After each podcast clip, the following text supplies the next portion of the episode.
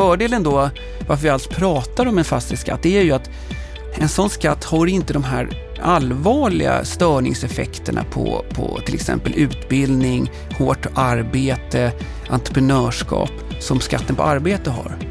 Och det är det som gör att om vi nu ska få, ut, få in en viss summa skattepengar, då vill vi lägga de skatterna på de skattebaserna där det gör minst skada för ekonomin.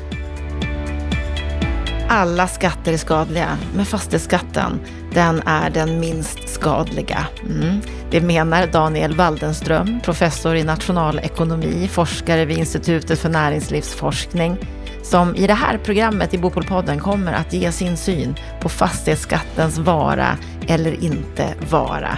För de senaste åren så har ju just den här frågan blivit allt mer intensifierad i debatten. Många vill se en återinförd fastighetsskatt och Daniel han ger sitt perspektiv på den här frågan. Och efter samtalet med honom så får vi höra Stefan Attefalls syn på det här och vad han tycker, ja det är kanske inte så svårt att gissa sig till. Han var ju en av dem som avskaffade fastighetsskatten en gång i tiden. Varmt välkommen till Bopolpodden. Jag heter Anna Bellman och tycker att det är enormt roligt att just du har hittat hit och lyssnar på vårt program.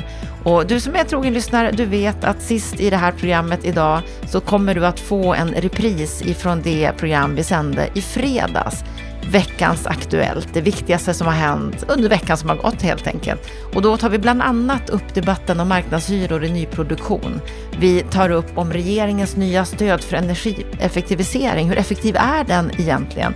Och vad tror vi om effekterna av coronakrisen? Kommer den att leda till några beteendeförändringar? Det får du höra en repris av sist i det här programmet. Men vi börjar med samtalet med Daniel Waldenström.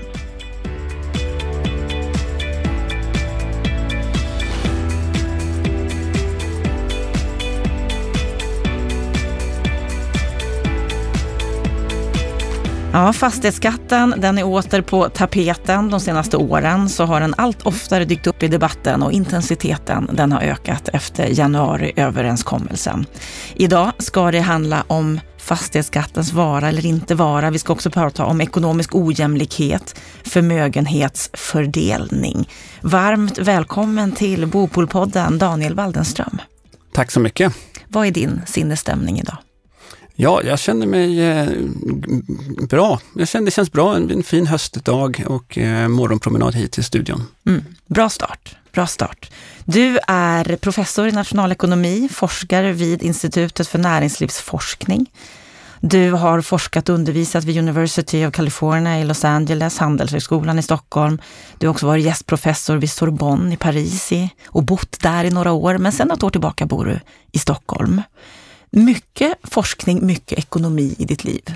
Ja, det stämmer. Jag har efter mina studier och grundutbildning har jag fortsatt att forska och eh, har ungefär i 20 år disk diskuterat och forskat frågor kring inkomst och förmögenhetsfördelning, beskattning, eh, men också historiska perspektiv på bland annat finansiell utveckling. Hur kommer det sig att du har snöat in, om man får säga, på den banan? Ja, det handlar lite om hur, hur samhället ser ut och vad som spelar roll för folk och i deras vardag. Och välfärd eh, spelar stor roll för hur människor mår och hur får vi en ekonomi att fungera så bra som möjligt? Hur ser mixen ut i skattesystemet mellan skatt på arbete och skatt på kapital? Så att vi får de här drivkrafterna i systemet, att folk vill jobba hårt, folk vill utbilda sig, folk vill starta företag, men så att vi också får den basen för välfärdssystemet som, som vi har när det gäller en grundtrygghet. Eh, vi har ingångar i utbildningssektorn och vård, eh, tillgång till vård och sådär. Hur, hur löser vi det här? Ehm, hur ser det ut? Det handlar mycket om att mäta verkligheten och beskriva den på ett bra sätt. Men sen också försöka undersöka vad, vad, vad gör vi bra och vad kan vi göra bättre? Mm, och om du skulle liksom försöka få ett helhetsperspektiv, liksom, en övergripande perspektiv, vad skulle du säga är våra utmaningar idag i vårt samhälle?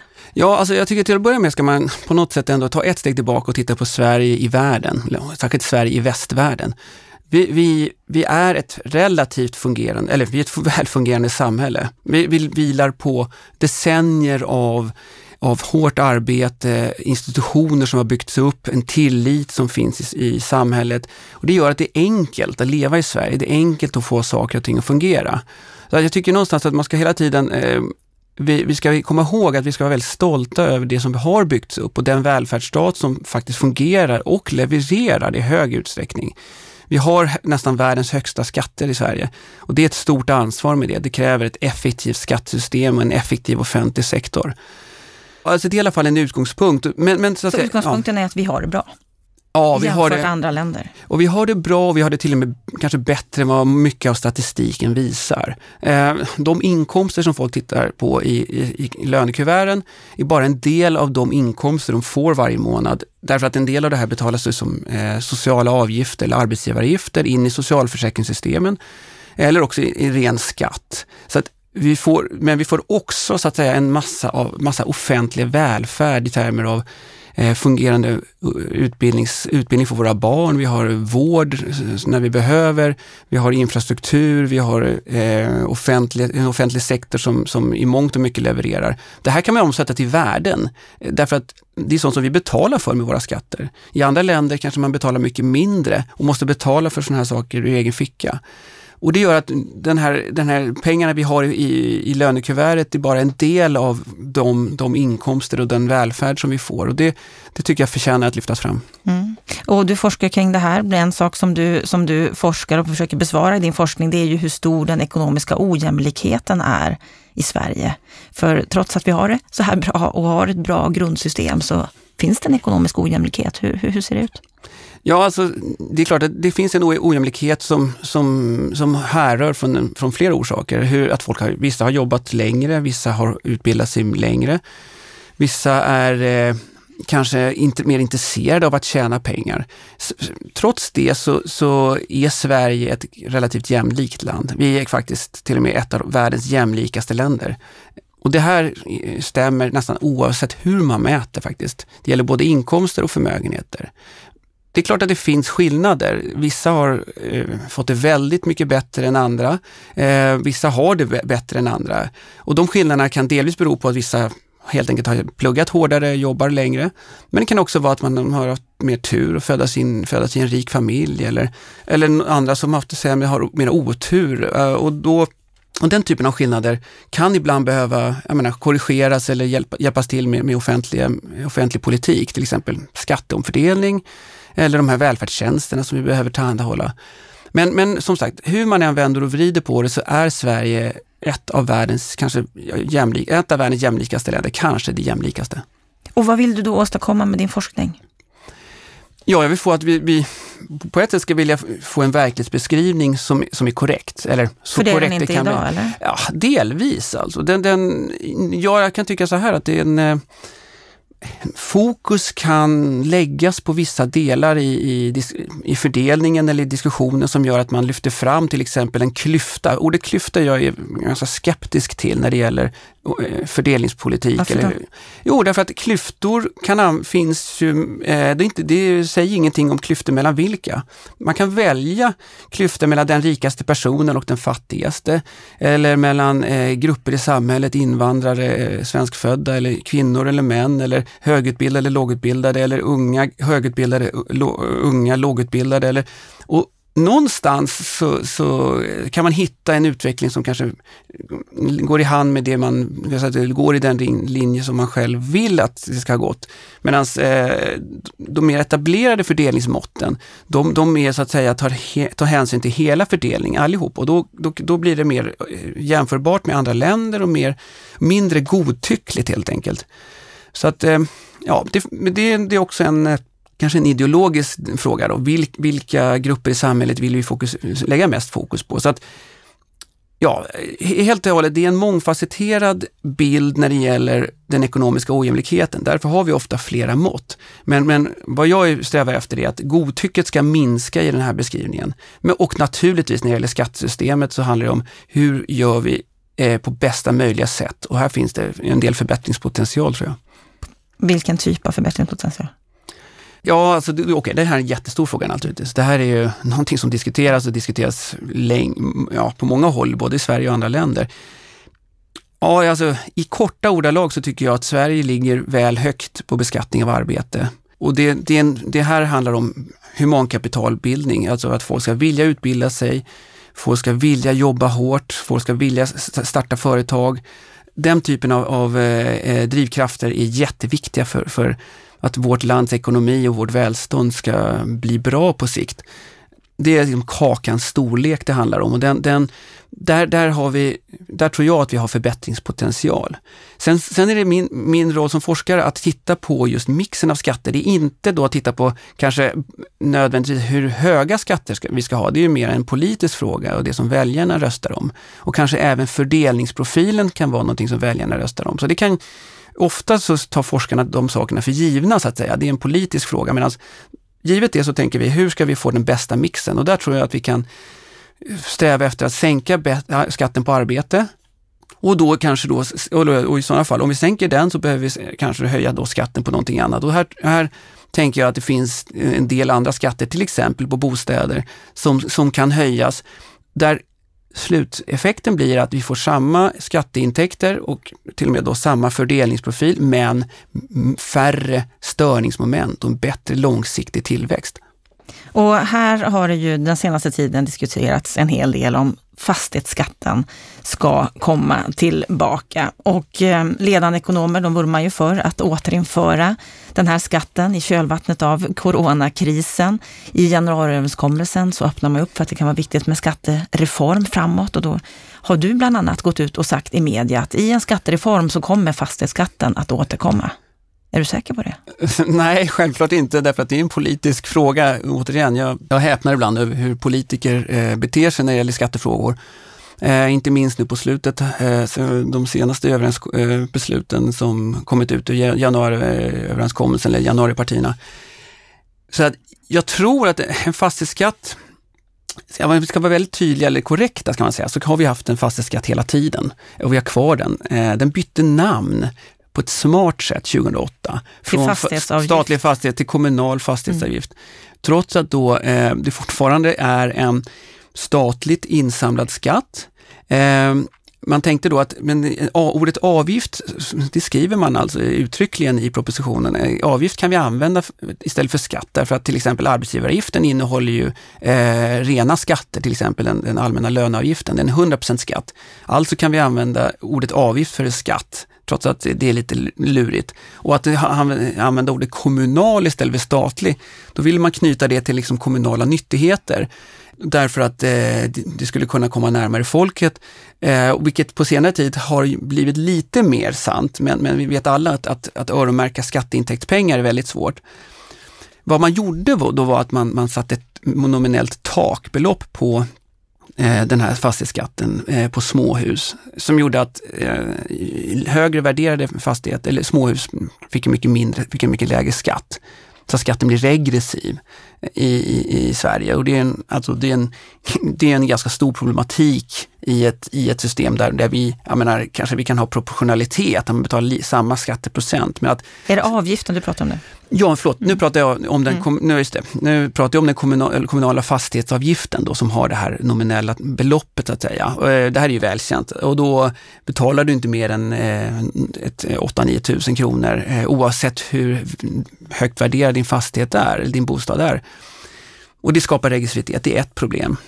Men sen är ett annat problem att skatten, eh, beskattningen handlat främst om småhus.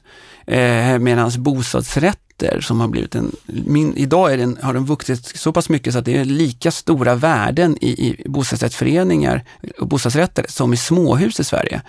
Men då har bostadsrätterna haft en mycket lägre beskattningsgrad än småhusen. Och det här har ju irriterat småhusägarna. Inte minst villaägarnas eh, förening har ju varit väldigt aktiva i det här. Den typen av obalans är ju inte heller bra. Vi vill ju ha lika behandling av alla undersåtar i ekonomin. Så att, så att alla som äger sin bostad, oavsett vilken typ av bostad man har, ska beskattas? Ja, det, precis. Det, det, gör de för det första idag. Eh, och, och Men bostadsrätter, där ligger den ju mycket lägre. Mycket lägre. Någonting tycker, på en tusenlapp, ja, 1200 det, om det, året. Inte, det är inte bra att ett skattesystem behandlar eh, liksom, lika på ett olika sätt. Det är, det, vi vill inte ha det när det gäller kapitalbeskattning generellt sett, eh, för det kommer skapa snedvridningar. Att vi, vi lägger pengarna där det beskattas minst snarare än där vi, där vi själva vill eh, lägga dem, eller där de gör störst nytta. Så det här är ju så att säga ett problem för en sån, sån, eh, sån skatt. Fördelen då, varför vi alls pratar om en fastighetsskatt, det är ju att en, en, eh, en sån skatt har inte de här allvarliga störningseffekterna på, på till exempel utbildning, hårt arbete, entreprenörskap som skatten på arbete har. Och det är det som gör att om vi nu ska få, ut, få in en viss summa skattepengar, och då vill vi lägga de skatterna eh, där, på de skattebaserna där det gör minst skada för ekonomin. Och det är det mm, som du har ju bland annat sagt det här att alla skatter är problematiska, ja, men fastighetsskatten är bland de minst skadliga skatterna. Är det detta du menar? Ja, men det är detta jag menar. Precis, jag gick lite händelserna i förväg. Det är precis så att alla skatter stör på ett eller annat sätt. Eh, för att det är ju så att säga, då är det, det är som statens eller samhällets eh, expropriering av privat, privat egendom. Men det är ju så som vi har kommit överens om i valen och i konstitutioner och så. Och då och vi tror att det, det finns goda skäl att ha det här på det viset. Medan då handlar det om att hitta den här mixen som är minst skadlig. Och där, där tror jag att fastighetsskatt eller bostadsskatt är en, en, bör finnas med här. Sverige ligger lågt här. Vi, har ju, vi sticker ut i de här sänkningarna som har skett särskilt sedan 2008-reformen.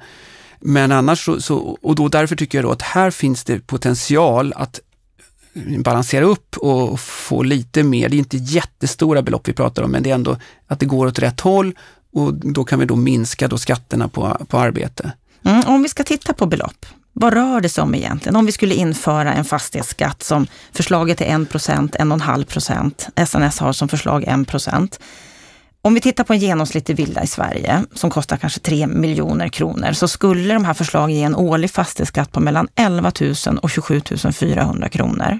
Och för en genomsnittlig tvåa då, som kostar kanske 2,3 miljoner, så landar fastighetsskatten på mellan 5 och 3 och 20 500 kronor.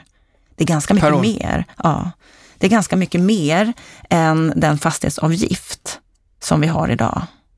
Ja, det är det. Alltså, och då tycker jag, menar, och det, alltså de exakta beloppen kan man diskutera, eh, men och då, alltså vi ska komma ihåg att fastighetsavgiften var drastisk. Den var, ex, den var nästan, man skulle säga, extrem i, i, fastighets, i skattehänseende. Eh, det var, det var jag skulle säga, det är någon sorts spill, man kan kalla det för spilld mjölk helt enkelt. Det, det, det, är alltså värden för samhället som, som togs bort eh, på ett, ett, ett ekonomiskt osunt eh, grundtänk skulle jag säga. Och här handlar det då om att snarare normalisera, gå tillbaka till den, den nivå som vi hade under ja, hela 00-talet och 90-talet, men faktiskt också tidigare, 80-tal, 70-tal har vi haft den här typen av fastighetsbeskattning och den finns även i, i hela Europa på ett eller annat sätt. De är utformade på lite olika sätt, men Sverige sticker ut. Så att ja, det blir ju en höjning från det här läget, men det här är inte ett normalläge. Det måste man komma ihåg.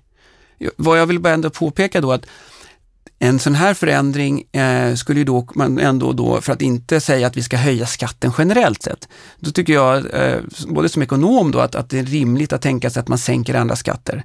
Så fastighetsskatten, då är det, mm, då har vi sänkt någon annanstans. Så det har inte blivit någon större fara så att säga för den enskilde villaägaren eller bostadsrättsägaren? Alltså det beror ju lite på hur man utformar det här, men jag tycker att eh, en, en om man nu säger en intäkt, inte bara intäktsneutral sån förändring, att vi, att vi, vi normaliserar fastighetsbeskattningen eller bostadsbeskattningen. Vi, inklud, vi, vi, höj, vi tar bort takbeloppet, vi, eh, vi inkluderar bostadsrätter.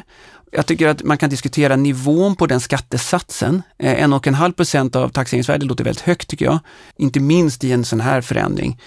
Men det är det ena. Eh, eh, om vi nu inte bara vill ha neutral, eh, neutralitet i, liksom, i själva intäkten, så kan vi också tänka oss neutralitet i fördelningsprofilen. Vilka är det framförallt som äger fastigheter och bostadsrätter? Ja, det är, det är de som har eh, utbildning och jobb. Många av dem tjänar en, en, en, en, inkomst som kanske gör att de betalar, betalar statlig inkomstskatt. Och då, där pratar vi återigen då 50 procents eh, marginalskatt bara på skatten, men också då måste man lägga till de här arbetsgivaravgiftsprocenten. Vi pratar 65, 66, 67 procent i marginalskatt där är det ju rimligt att man, man sänker eh, den kommunala, eh, i sådana fall den statliga inkomstskatten. Det, det, är rimligt att man höjer brytpunkten för att, innan man börjar betala statlig inkomstskatt. Och det gör ju att ja, en hel del hushåll får ökad fastighetsskatt, men man får också sänkt inkomstskatt på, på arbete i, i samma del. Och då är det ju så att säga exakt var alla individer hamnar. Det beror lite på själva mixen i arbete och husägande och så. Men, men tanken ska i alla fall vara att det ska inte bli drastiska för, omfördelningar mellan grupper, utan tanken är att vi får samma intäkter, samma grad av omfördelning, men mer effektivitet. Men varför ska hus, fastigheter som den enda varan dubbelbeskattas? Ja, du tänker på eh, vadå, transaktion, stämpelskatten då till exempel, eh, för, är det det du menar? Du har en stämpelskatt eh, på 1% idag. Eh, den, det är en transaktionsskatt, den, den har jag tidigare argumenterat borde avskaffas. Jag, jag, tycker att rörligheten i bostadsmarknaden är viktig. Eh, stämpelskatten är en kvarleva från eh, gamla historiska skatteuppbörder där, där den typen av transaktioner var lätta att, att eh, beskatta. Och vi vill ju ha rörlighet på arbetsmarknaden, på bostadsmarknaden. Den typen av stämpelskatt tycker jag ska bort. Det är 13 miljarder per år eller något sånt där. Det är det ena. Eh, när det gäller dubbelbeskattning så är det ett, ett sånt här lurigt ord. Ja, det finns dubbelbeskattning. Det klassiska exemplet är ju eh, aktie, eller aktieutdelningar där företagens vinst har inkomstbeskattats en gång och sen kommer man och får en utdelning och då beskattar man då en gång till en, eh, när du köper en vara eller du köper en liter mjölk så betalar du moms på det. och du har ju, använder då dina redan beskattade inkomst, löne, löneinkomstpengar för det. Där kan man säga då, innan du får din mjölk, det är det vi behöver för att leva, så behöver vi först skatta på lönen och sen skatta i, i butiken. Det är också en sorts dubbelbeskattning. Eh, jag menar, någonstans, eh, arbets, arbetsgivaren har redan då beskattats eh, i flera led. Jag menar, så dubbelbeskattning eller flerledsbeskattning finns överallt i ekonomin. För här skiljer inte fastigheter eller bostäder ut sig någonting, skulle jag säga. Men det här med att eh, fastigheter beskattas utifrån vart de är placerade, för det är den effekten vi får. Precis som du har varit inne på, att det handlar ju om fastighetsvärdet beroende på hur hög skatten blir. Varför ska det vara dyrare och kosta mer, större skatt om ett hus, likvärdigt hus är placerat i Stockholm eller i en mindre ort ute i landet. För det blir ju effekten. Mm, mm. Nej, men det, men det, det, det, är en väldigt bra motiverad fråga tycker jag. Och det, det, alltså den, den rent skattebastekniska eller skattetekniska eh, förklaringen handlar ju det, jag menar, det är ju alltså ett sätt att på något sätt mäta storleken på just den här skattebasen. Då, då har vi eh, värdet på den, alltså den här fastigheten som, som utgångspunkt. Man kan, eh, då är det taxeringsvärdet. Man kan tänka sig ett styck, en styckskatt, en skatt per hus. Huruvida det är, det, det, det, skulle man kunna tänka sig, men man skulle också kunna tänka sig ett, ett, en skatt per människa, en, en, en, liksom en huvudskatt eller en personskatt som vi har haft i Sverige. Det var liksom 1800-talsbeskattningen. Det var så att säga en skatt per, per, per individ. Man skulle kunna tänka sig en skatt per löntagare eh, oavsett löneinkomst och så vidare och så vidare. Eh, och det problemet med, att, med det, det är att vi, vi, får, dels får vi inte, får vi, jag menar, vi får en, en eh, risken att vi får en kanske mindre eh, skatteintäkt beroende lite på var de här styckskatterna skulle ligga någonstans. Men vi får också en, en eh, en, en frånkoppling när det gäller skattebasen och skatteförmågan, alltså folks eh, mm, eh, förmåga att betala en skatt och ändå ha en, en dräglig tillvaro. Och den, så att säga, den är ju större ju mer pengar du tjänar. Den är ofta större ju högre värderad din fastighet är. Oftast ja, fast inte Oftast, alltid. Men inte alltid. Och det är naturligtvis en av, en av, ett av problemen med en, en, en skatt på en, på, på, en fastighet som kanske inte genererar, en, ett småhus som inte genererar en, en synlig kontantinkomst. En hyresfastighet genererar hyresintäkter och de, de kan beskattas så att säga, det är tydligare. Men tanken i alla fall att man har ett, ett, en koppling mellan förmågan att betala eh, skatt utifrån skattebasens storlek och, då, eh, och även då nyttan av eh, själva eh, skattebasen. Eller det här Fast en sån här fastighetsskatten utgår ju från att om du har ett hus som är beläget med en hög, på ett, ett ställe som har en högt taxeringsvärde, då ska du också tjäna bra. Blir inte det ett ojämlikt sätt att ställa skatten? Men det är en bra fråga. Alltså, jo, nej, jag och nej. Ja och nej ska jag säga. Alltså, jag tycker att det finns, de här, finns såna här begränsningsregler som gör att till exempel vissa låginkomsttagare som, som har ägt en, en bostad under lång tid eh, i ett område som plötsligt blir eh, väldigt populärt. Och då, då, kan man tänka sig att, att, vi har ett tak för hur mycket, mycket fastighetsskatt man ska betala. Så ett tak som har att göra med hur mycket inkomst man har. Eh, och det, det tycker jag är ett ganska rimligt eh, utgångsläge i en fastighetsbeskattning. Det, jag menar, där vi har de klassiska eh, skärgårdspensionärerna, skärgårdsänkorna och sådana saker. Och det, det, tycker jag är... Ja, för vi vill ju inte ha ett scenario där vi ser att människor tvingas flytta från hus och hem. Nej, på grund exakt. av att de inte kan betala detta. Det här Exakt. förslaget med fastighetsskatt, jag läste en rapport eh, av Sofia Linder som är chefekonom på Skattebetalarna. Hon gjorde en rapport i mars i år som heter just fastighetsskatt skulle slå hårt mot Sveriges bostadssparare. Och där har hon statistik ifrån SCB där hon skriver så här att det här skulle kunna bli en Stockholmsskatt inom citationstecken.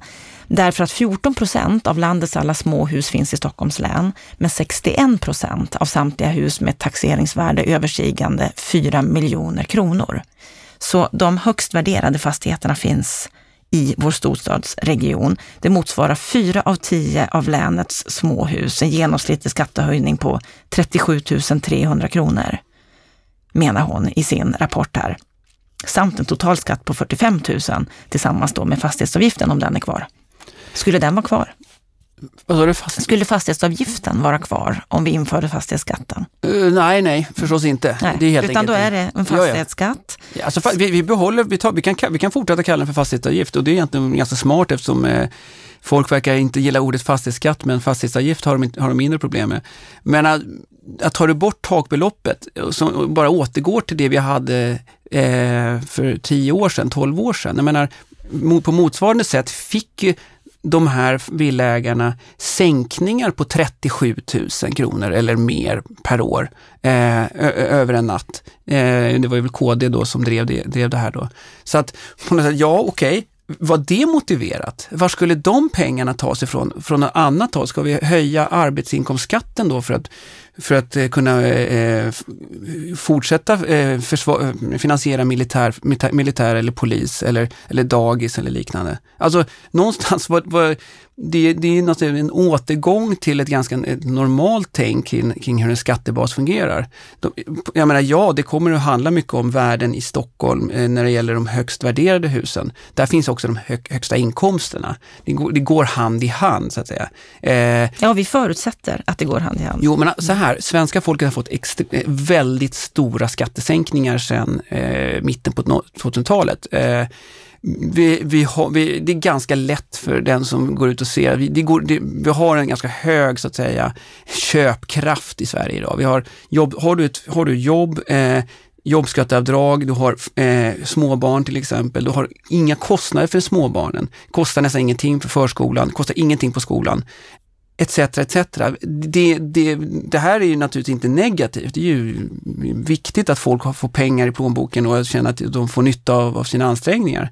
Men, men, eh, men här handlar det då om att, som jag sa tidigare, om man nu, om man nu ändå eh, balanserar en ökad fastighetsbeskattning med en minskad arbetsbeskattning, så handlar det ju om att samma kanske, du kanske inte ens till och med får särskilt stor förändring i, i skattekuvertet efter de här två förändringarna, men vi får bättre så att säga, effektivitet i ekonomin och det är det som Sverige på lång sikt behöver för att kunna ha råd med vår välfärd, för att kunna finansiera försvar och, och, och, välfärd. Men du menar att den enskilde, den kommer inte få ett högre, en högre skatt?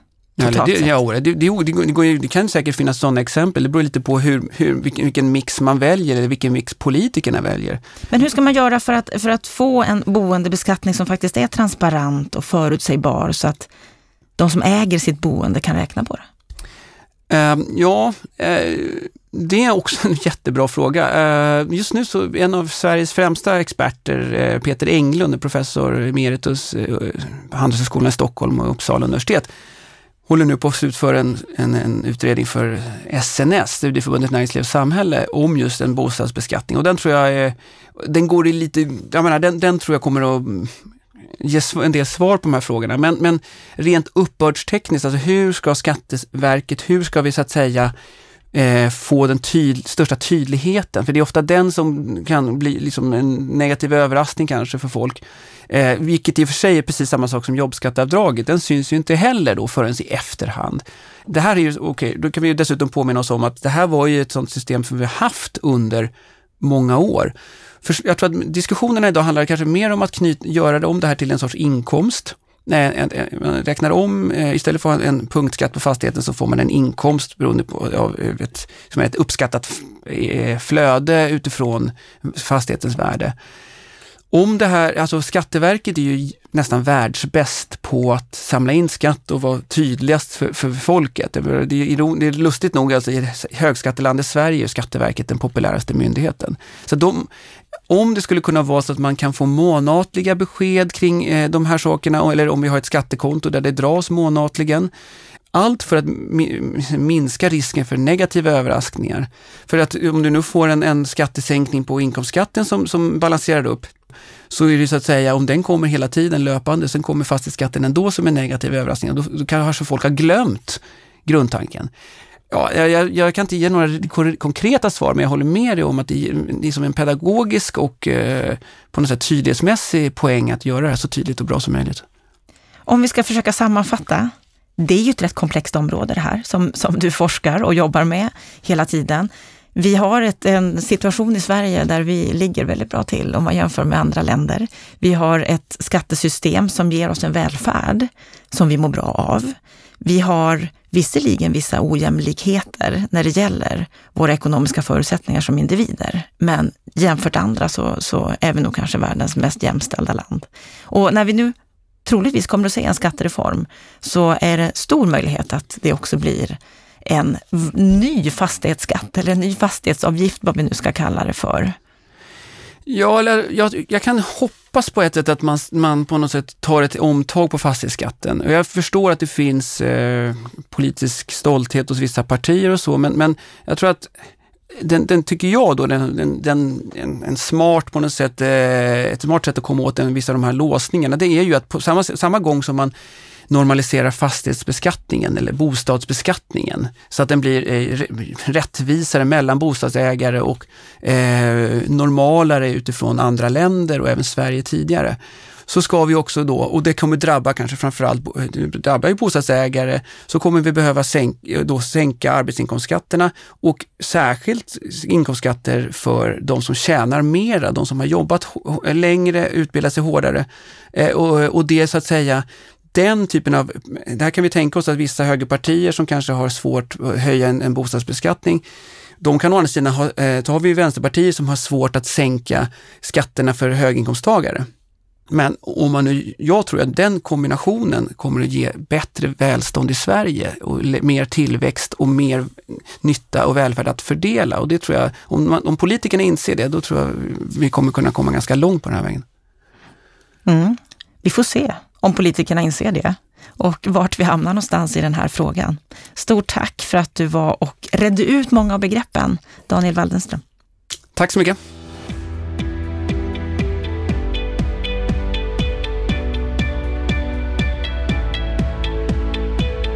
Då har vi hört samtalet med Daniel Waldenström. Vad, vad säger du om det här samtalet, Stefan Attefall? Jo, det var intressant. Eh, jag tycker att han eh, det är ju en kunnig person som har många intressanta tankar om jämlikhet och beskattning. Sen eh, kan jag säga att jag är något skeptisk till en del av hans resonemang kring fastighetsskatten, men det kanske beror på att jag tillhör de här som var med och avskaffade den gamla ja, du var väl ganska drivande, Du var väl ganska drivande där va? Du, ja, om, vi ska, mm. om vi ska börja med det då, bara hans resonemang här kring att vi lever i ett av världens, kanske världens mest jämlika länder ekonomiskt. Håller du med om det? Ja, eh, där tycker jag att han eh, hjälper till att bena upp resonemanget och han har ju rätt perspektiv här. Alltså vi, vi ibland stirrar oss blinda på de ska säga, klyftor som faktiskt finns och de som också har vuxit.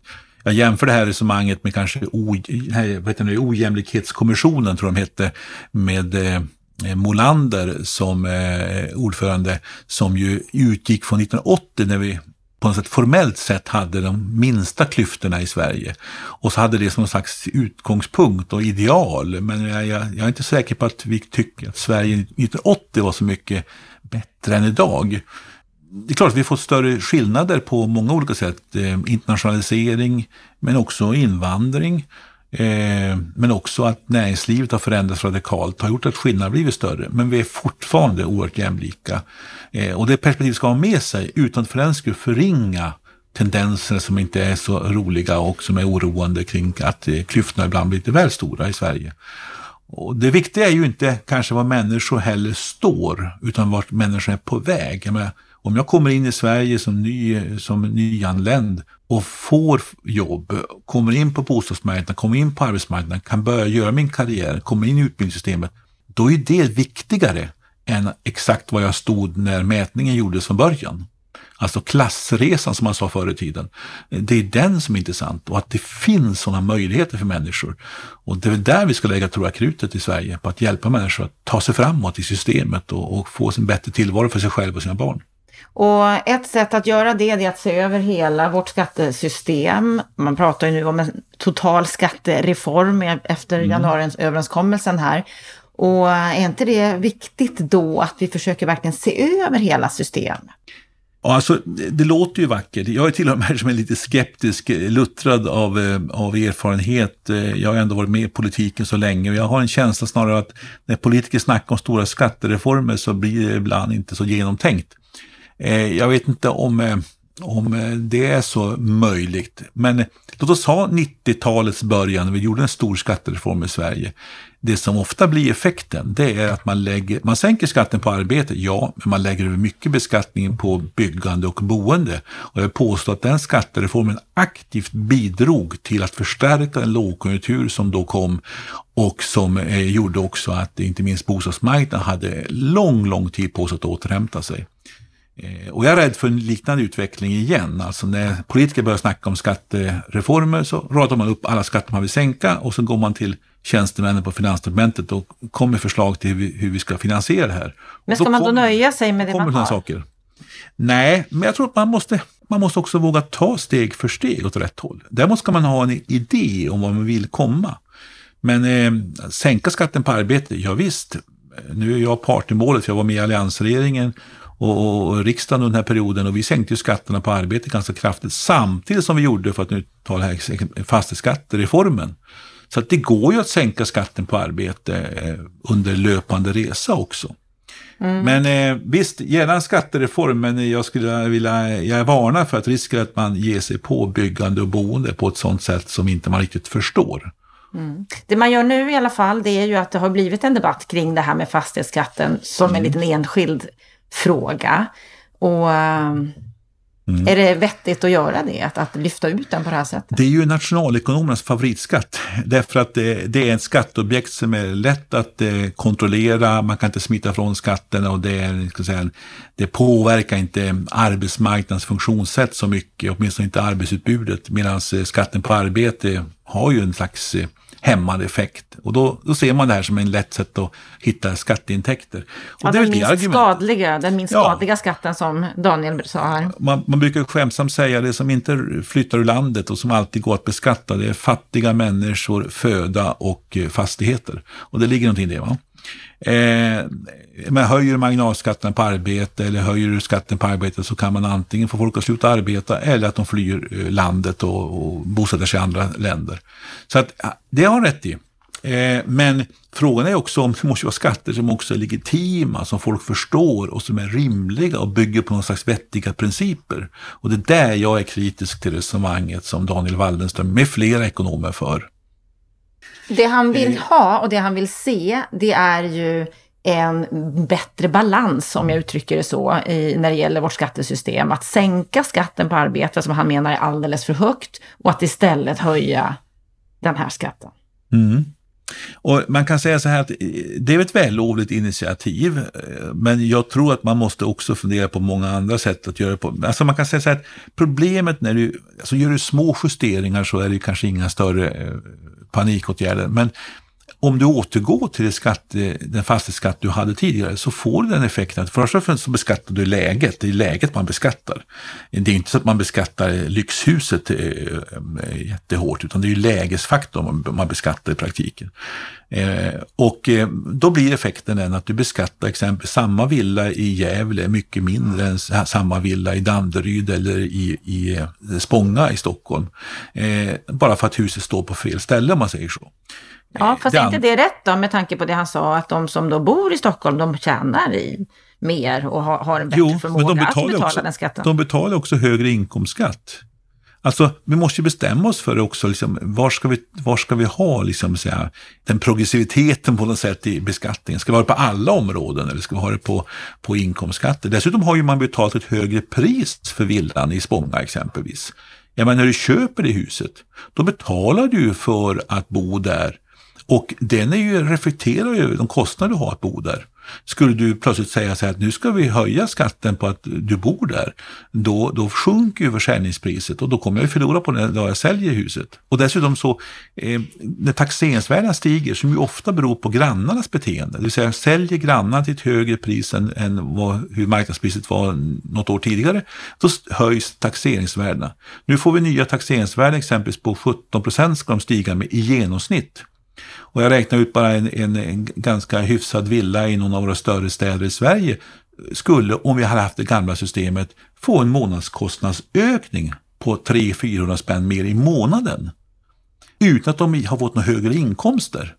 Jämför det med den här äh, utbasunerade nu skattesänkningen som Centern och Liberalerna drivit igenom i förhandlingar med regeringen, där man sänker skatten med 200-300 kronor i månaden. Alltså mer än så skulle skatten stiga per automatik om vi har ett system som är kopplat till taxeringsvärdena. Och ingen har fattat politiskt beslut om detta utan det bara uppstår därför att grannarna har flyttat och sålt till ett högre pris än vad, än vad jag köpte för, för ett antal år sedan.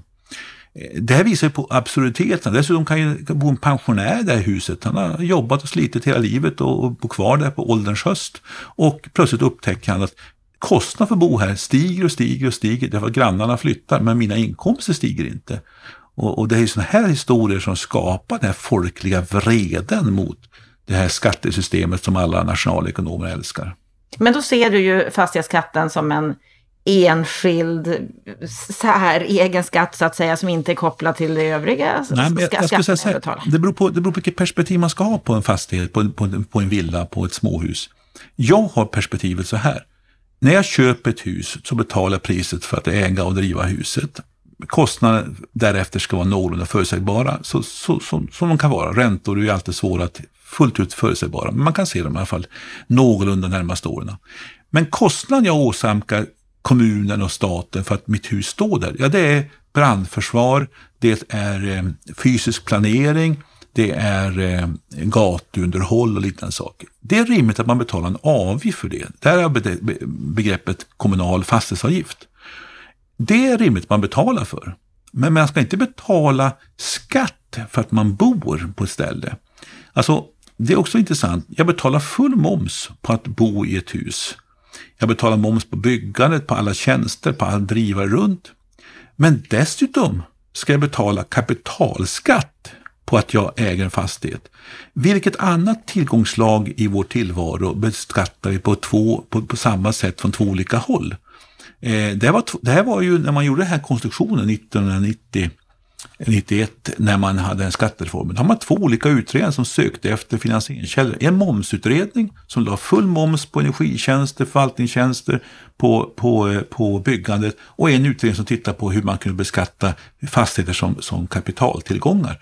Och så tog man inte en av dem, utan man tog båda och la ihop dem. Och så fick man den här dubbelbeskattningen som ledde till det här ramaskriet. Eh, så att jag ska påstå att det är ett feltänkt. Han gjorde en parallell här om, om, eh, om att man beskattar många andra varor i flera led. Ja, visst, men här beskattar du i så fall i flera, ytterligare ett led. Därför att du betalar inkomstskatt på din tjänst, du betalar när du köper huset, och då betalar du för kostnaden för att huset står där och, och marknadsvärde på det. Och så ska du betala moms på alla tjänster och på att bygga och renovera. Och sen dessutom ska du betala kapitalskatt för att du, bara för att du bor där. Dessutom har du en reavinstskatt. Om huset stigit i värde så tar ju staten in 22 procent av den vinstökningen också. Så att jag vill påstå att Daniel Waldenström och alla hans gelikar, de ser fastigheten som ett skatteobjekt som är lätt att pungslå med pengar och tror att det är, eh, går hem att göra det. Men de har ingen, tycker jag, riktig filosofi. Hur betraktar jag en fastighet? Jag måste välja. Antingen är det ett, en kapitalplacering och då ska det betraktas som en aktieplacering ungefär. Eller så är det en, en, en, eh, ett köp av en vara, en konsumtion av en vara. Och då ska jag betala moms men inte kapitalbeskattning på att bo där. Det vi ofta gör när vi pratar bostadspolitik det är ju att vi eh, tittar på andra länder. Hur gör de? Vad skulle vi kunna ta därifrån och så vidare. Och när det gäller just det här med beskattning av bostäder, då sticker ju vi i Sverige ut hur lågt vi beskattar. Är det vettigt? Ja, det är lite vilka man jämför med, men, men det är korrekt att det, många använder, man har lägre skatt på arbete och så har man mycket höga fastighetsskatter i olika former. Eh, det är en del länder som använder taktiken, USA har inte minst det, och där, där ofta fastighetsskatten är på eh, stadsnivå eller på delstatsnivå eller på till och med stadsnivå. Men jag var i Austin i Texas för att ta som ett exempel och där skulle ett, eh, ett, ett ålderdomshem som fanns där ett, vi skulle kalla det särskilt boende här i Sverige. De vill nu renovera, för de har ett nedgånget hus och vill bygga nytt och som kan ha mer kapacitet. Och så skulle de sälja en del av marken till en fastighetsutvecklare som skulle skapa nya bostäder. Och då bodde ett antal villaägare runt omkring där, människor med lite lägre inkomster. Och de blev jättearga på det här förslaget.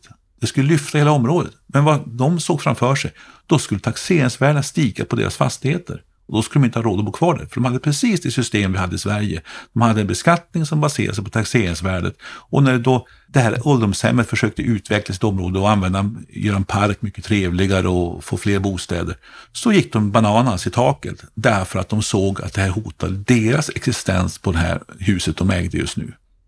Och det är precis den här motsättningen du får. Eh, du kan inte beskatta inkomster som inte finns. Och det har så ekonomiskt så svårt att få in i huvudet och det kommer att göra att du alltid får en folklig revolt mot den här typen av system. Mm. Så länge de blir betydande. Det här är en fråga som engagerar och den diskuteras ju mycket just nu. Vi kommer att återkomma till den i den här podden. Och jag kan tänka mig att du också kommer att få fortsätta och kommentera just det här ämnet, för det är ju inte klart ännu. Nej, men det, det, det, det är en intressant diskussion. Men sagt var, en lärdom i alla fall, när politiker pratar om skattereformer, då kommer det drabba byggande och boende i någon form. Det tror jag är en lärdom vi ska ha med oss i den här diskussionen. Ja, debatten om fastighetsskatten den lär fortsätta och vi kommer också att fortsätta prata om det här i Bopolpodden. Då har det blivit dags att eh, få en repris av veckans Aktuellt.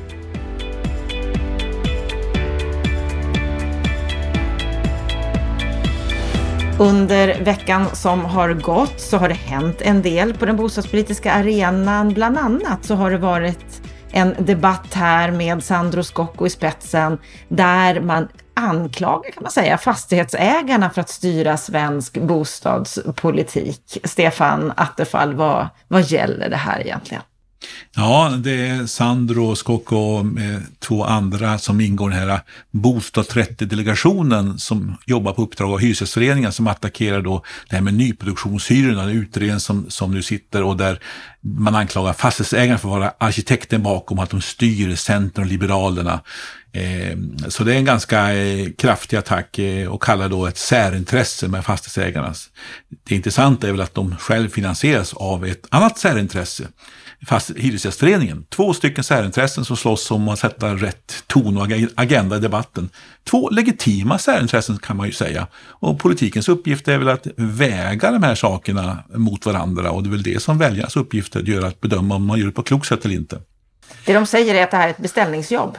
Ja, det, det, ja det, och det är klart att det är en retorik i detta. Eh, vilka Centern lyssnar på och inte lyssnar på, eh, det är ju upp till dem. Det är Centern som är ansvarig för sin politik. Eh, och samma sak är det med Socialdemokraterna och så. Va? Men det, det som kanske är mer sakligt intressant är att titta på en rapport som ändå ligger till grund för det här. Där de ändå går igenom ett antal argument eh, varför de, de då tycker att nyproduktionshyrorna inte ska vara fria utan eh, systemet ska vara ungefär som det är idag. Eh, och då kan man ju säga så här att de säger, det säger de så här att ja, det kommer inte bli lägre hyror i nyproduktion. Nej, det har de ju rätt i. Det finns ju ingenting som tyder på det. Eh, vi har idag sådana här presumtionshyror, alltså avtal mellan Hyresgästföreningen och fastighetsägarna som gör att man får en hyra i nyproduktion som motsvarar ungefär kostnaden man haft för att producera den och de ligger oftast ganska nära marknadsvärdet. Det kan vara några centrala lägen i några större städer där det finns en mer marginal att ta ut högre hyror. Men lägre hyror kommer det inte bli. Så där har de ju rätt. Eh, sen säger de att det blir inte fler nyproducerade hyresrätter. Man kan väl säga så här att jag tror inte heller att det blir en stor effekt, men en viss effekt kan uppstå. Eh, vi vet ju exempelvis från Uppsala hur man har fällt eh, Uppsala hem i en dom i hyresnämnden. För de satte hyror på en nyproducerad lägenhet i centrala stan och eh, hyresnämnden som gick in och bedömde det här, det här var alltså inte framförhandlade presumtionshyror, de sänkte de här hyrorna med ungefär 200 kronor kvadratmeter och år. Och det är klart att då säger Uppsala hem att ja, vi kommer inte producera några nya hyresrätter i centrala Uppsala med den här domen och eh, andra privata fastighetsägare som har projekt igång i innerstaden blir också tveksamma och vet inte hur de ska göra. Så att vissa centrala lägen kan det bli fler hyresrätter, kanske på bekostnad också av en del bostadsrätter. Det är en trolig effekt, men någon stor effekt tror jag inte heller att det blir av eh, fria nyproduktionshyror. Och så säger de så här, kommer att underlätta för köpstarka grupper? Och så säger de, svarar de ja på den frågan, men de tycker ju samtidigt det är hemskt för att det är inte de som behöver en bostad. Men man kan vända på det och säga så här också, ja för arbetsmarknadens rörlighet så kan det ju finnas en poäng i att det finns lättillgängligt dyra men ändå tillgängliga hyreslägenheter. Eh, åtminstone eh, så att man kan ta en sån lägenhet en tid tills man hittar något mer bestående. Eh, och det sista resonemanget de för är väl också att det får effekter på lång sikt på övriga beståndet. Och där har de en poäng.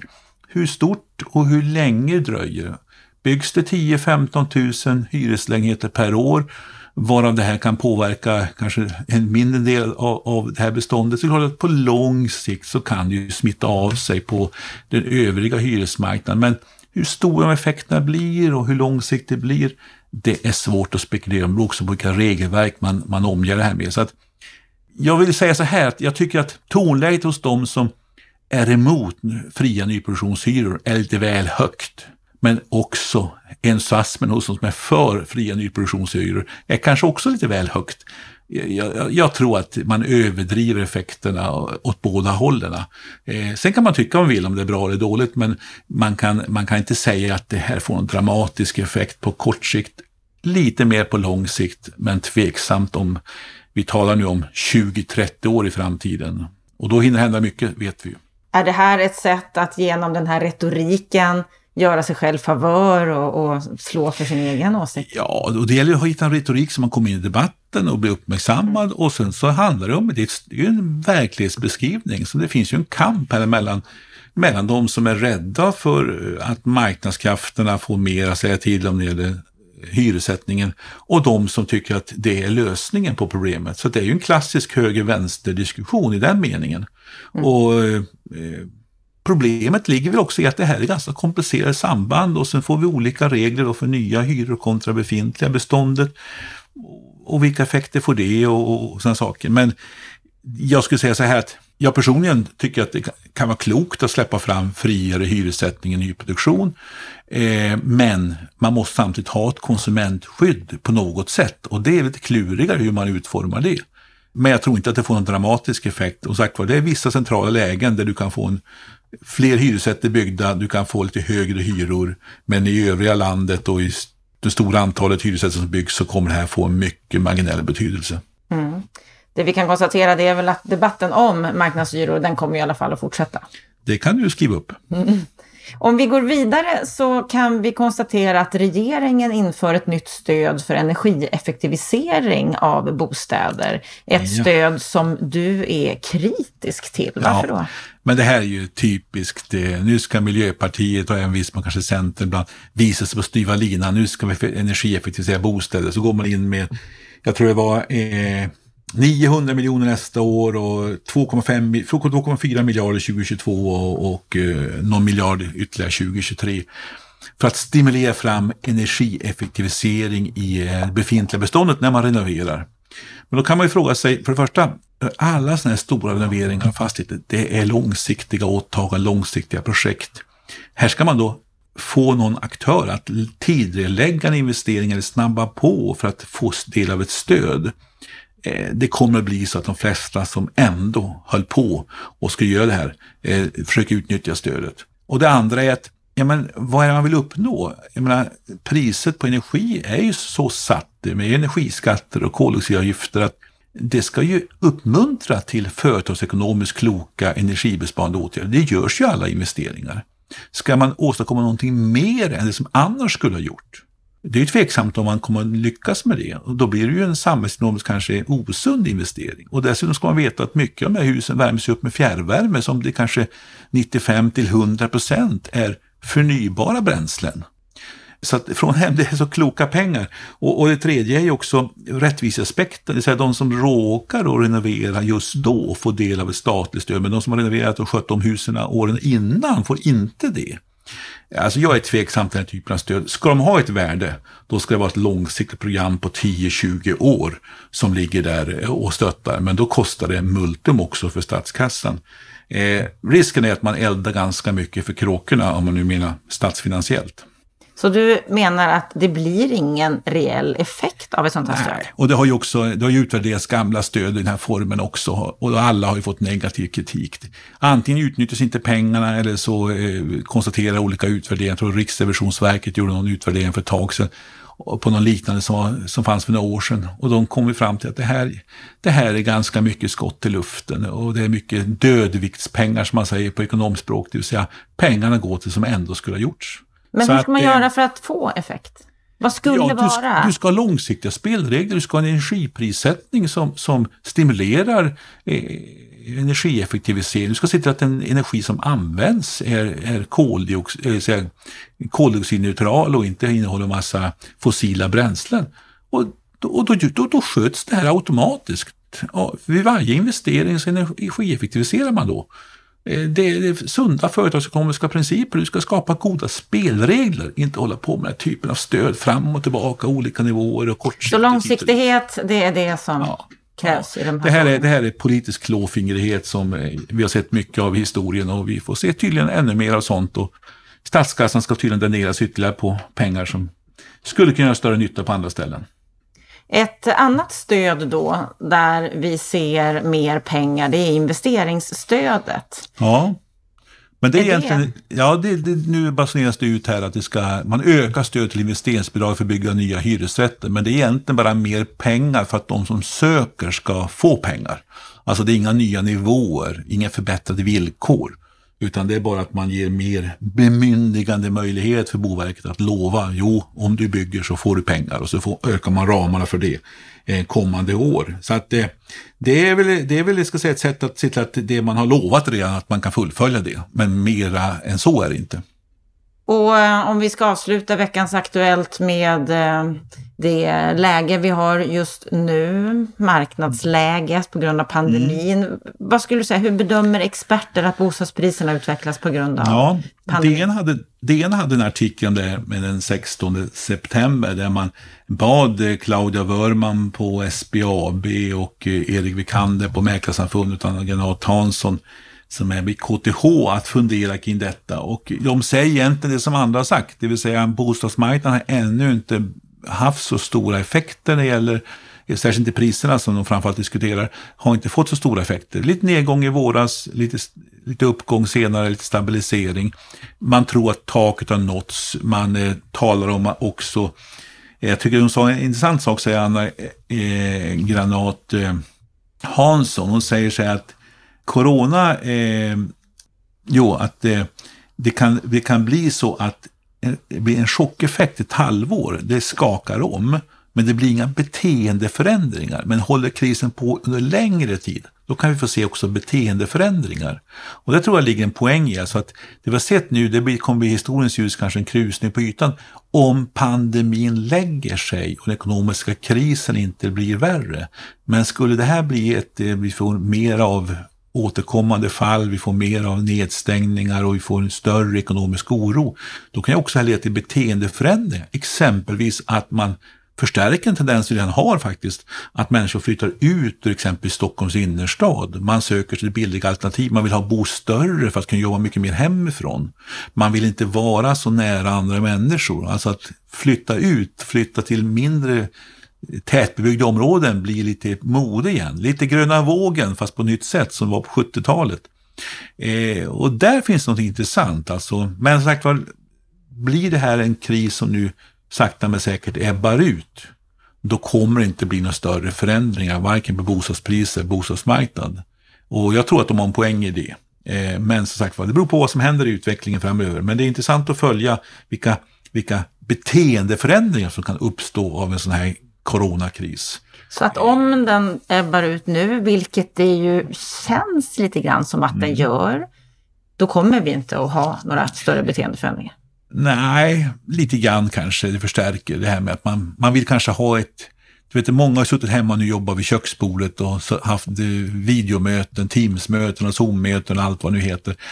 Eh, och då vill man ju ha kanske ett arbetsrum att sitta i också. Då söker man en lite större lägenhet och då blir det dyrare. Då kanske man söker sig ut ur staden eller till andra ord. Alltså det där kan förstärka sådana känslor, sådana tendenser. Men eh, jag tror sagt var inte någon dramatisk effekt som det ser ut just nu. Men som mm. sagt var, vi ska blir det en riktig lågkonjunktur i omvärlden så att många fler blir arbetslösa, det är klart att då slår det mot människors plånböcker och då blir det färre som kan efterfråga också Eh, exempelvis bostadsrätter och småhus. Och man får svårt att klara nya eh, hyror i hyresrätter.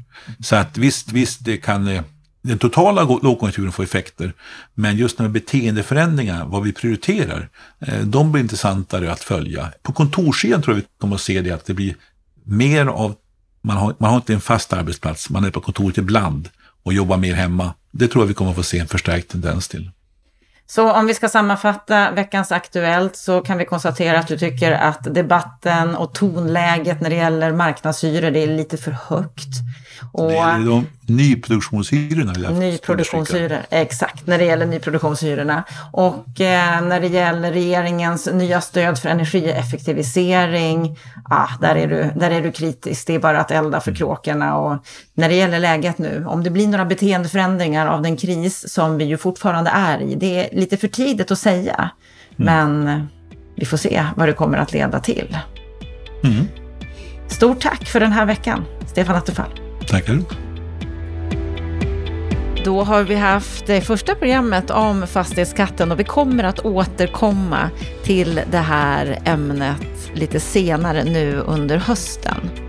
Och eh, nästa vecka, då kommer vi att fördjupa samtalet om trähusbyggande. Det är det ju många som pratar om att det är viktigt att det ökar när det handlar om klimatet, att vi ska bli mer hållbara men är det så att vi biter oss i svansen när vi vurmar så mycket för det här, kan det till och med vara så att trähusbyggande är en miljöbov? Det kommer vi bland annat att prata om på måndag. Så eh, tack för att du lyssnar. Du når oss på podd.bostadspolitik.se och du hittar ännu fler artiklar på bostadspolitik.se. Tack för att du lyssnar. Må så gott. Ha en riktigt skön vecka.